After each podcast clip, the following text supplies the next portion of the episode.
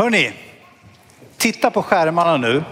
För det kommer komma upp en person där som jag undrar, känner ni igen den här personen som kommer nu? Vem är det? det verk... Vet ni inte det? Sa någon kungen? En som visste att det här var kungen. Men vet ni vad han heter egentligen?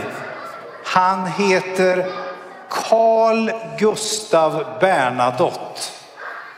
Och han är nog den enda personen i Sverige, tror jag, som har en siffra i sitt namn. Är det någon som har en siffra i sitt namn? En, ja. Han heter Karl den sextonde Gustav Bernadotte. Därför att det har funnits kungar före honom som har hetat Karl. Och då har han fått nummer 16. Han har varit kung i Sverige i 48 år. Det är länge det. Vet ni hur länge vi har haft kungar i Sverige? Över tusen år. Så innan kungen för 48 år sedan blev kung så var det 60 kungar och tre stycken drottningar. Och sen kom kungen. Och vad händer när han dör? Vem blir det då som tar över efter honom? En prins? Ja. Hon heter Victoria, prinsessan Victoria ska ta över efter kungen en dag. Så här länge har vi haft kung, kungarike, över tusen år i Sverige. Man säger att vi har en monarki. Är det kungen som bestämmer vad vi får göra här i Sverige? Nej, han bestämmer inte så mycket. Men förut var det så. Under de första århundradena när vi hade kung, ända till 1700-talet, då var det kungen som bestämde. Det han sa, det gällde. Men sen på 1700-talet, då började man tycker nah, det är bättre att vi tillsätter en riksdag och lite så här som bestämmer istället. Och han har fått mindre och mindre makt. Och idag har inte kungen någon makt alls egentligen. Mer än att han är ju viktig person. Han eh, ser trevlig ut och alla känner honom och han skapar goda relationer med andra länder och ja, han representerar Sverige så han är en viktig person. Nu ska ni få se på en annan bild på en kung i Sverige. Han kommer nu. Det här är en gammal en. När den här personen, som jag alldeles strax ska berätta vem det var, när han var 24 år, då satt han i fängelse i Danmark. Därför han tyckte att kungen i Danmark, han bestämde för mycket. För kungen i Danmark förstår ni, han hade sagt att Sverige ska tillhöra Danmark. Vi ska vara stort. Men det tyckte inte han om och då satte man honom i fängelse. Det var inte så bra. Men han smet ifrån fängelset, hoppade över till Sverige och så drog han sig uppåt, uppåt och norr och så sa han till folk, vi ska inte låta kungen i Danmark bestämma över oss. Vi kan väl vara svenskar här. Inget gehör. Han drog ända upp till Dalarna förstår ni och det är ganska långt upp, eller i mitten i Sverige. Och så kom han till Mora och då sa han till dalmasarna där, hörni, vi måste strida mot kungen i Danmark för han kommer ta över hela landet. Nej, det gör vi inte. Nej, men de är efter mig, jag måste sticka härifrån. Så han på sig några skidor och sa, jag sticker till Norge. Så han åkte till Norge. Det tog ganska lång tid. Och under tiden han åkte på de här skidorna som han hade, då kom de här dalmasarna på att han kanske hade rätt. Vi kanske ska strida mot kungen av Danmark så att vi får ett eget land här och slipper honom. Ja, vi kör ifatt honom.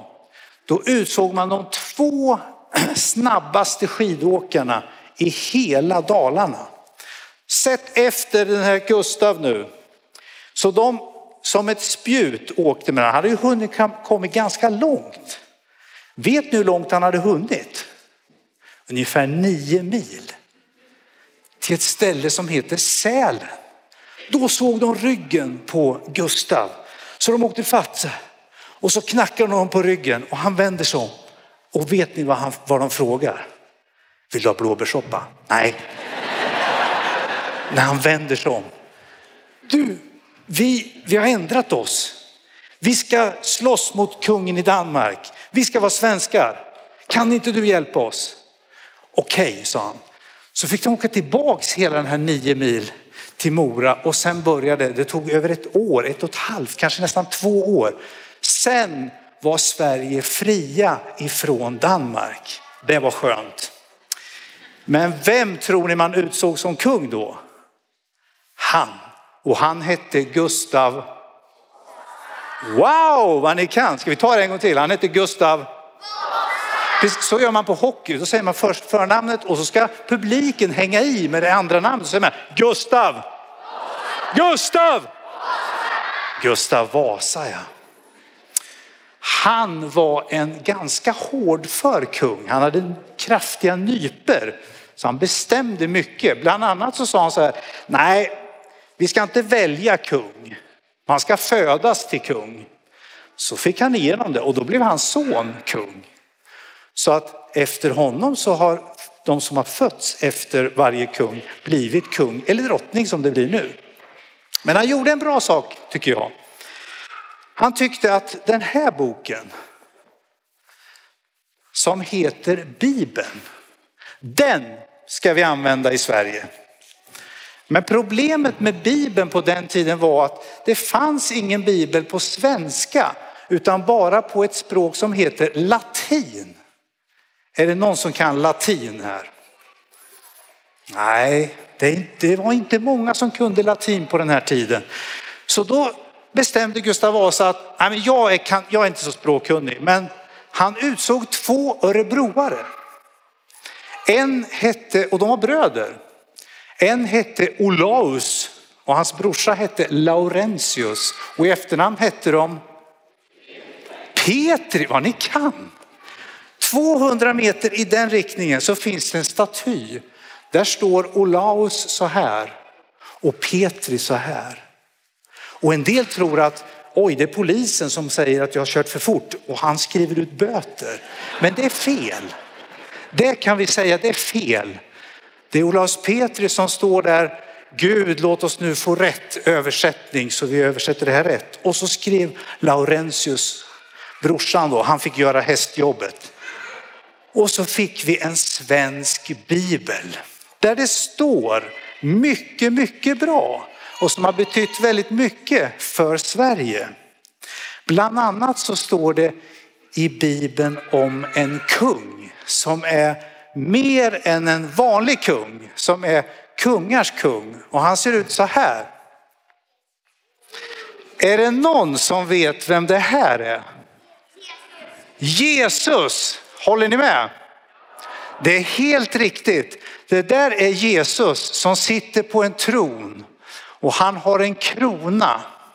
Och vi hörde ni hur vi, det var, var det nio olika språk här som stod och läste på, på han är hela världens kung. Hosianna ropade vi. Vad betyder det? Jo, det betyder ett hyllningsrop. Vi hyllar dig Jesus och det betyder också Herre kom och hjälp oss. Det var viktigt. Och alldeles strax ska vi sjunga en sång som heter Gå Sion din konung att mötas. Vad är det för speciellt med Jesus då? Varför är han en viktigare kung än Carl Gustav den 16 och Gustav Vasa och andra kungar som har funnits på den här jorden? Jo, titta på det här bibelordet ska ni se. Det står i bibeln så här. Han är kungarnas kung och herrarnas herre.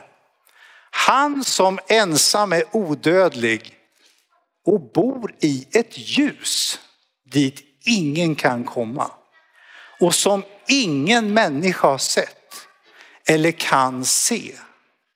Honom tillhör ära och evig makt. Amen står det i första Timoteusbrevet 6. Alla kungar som har funnits på den här jorden, de har varit regenter eller styrt över ett land eller ett, ett rike under en viss tid. Men Jesus, hans rike är över hela jorden. till och med jorden och himlen och rymden, allt, överallt är Jesus. Där kan vi verkligen tala om en kung. Och dessutom så är det inte så att Jesus är kung överallt i 48 år, utan som det står i evig tid, evig makt. Jesus är kung för alltid, för han har dött men uppstått och lever idag. Och han kommer, det är fortfarande lite, ni kommer ihåg Gustav Vasa, han krigar mot danskarna. Det är fortfarande lite kamp kvar i den här världen. För det strider och det är jobbigt och det är mörkt och så vidare. Men Jesus har satt igång, för han har dött och vunnit seger på korset och uppstått. Så han kommer att triumfera fullt ut en dag. Han är redan här och nu, men vi får vara med och kämpa och ropa Hosianna, kom och hjälp oss och strida för att hans rike, Guds rike, kärlekens rike ska få breda ut sig mer och mer i vårt land, i våran värld och överallt. Det är därför vi firar advent och det är en sån glädje att vi får göra det tillsammans, eller hur? Ja. Eller hur? Ja. Nu kan man be till Jesus också, ska vi göra det? Tack Jesus för att du är kungars kung och herrars herre. Inget kan ta bort makten. Du har all makt i himmel och på jorden. Du kom till vår jord, du segrade och vi får triumfera och sjunga lovsånger till dig, vilket vi ska göra nu. Tack att du hör oss när vi ber. I ditt namn Jesus ber vi. Amen. Och nu ska vi sjunga Gå Sion, din konung att möta. Och tänk på vad du sjunger, för det är en stor hyllningssång till Jesus.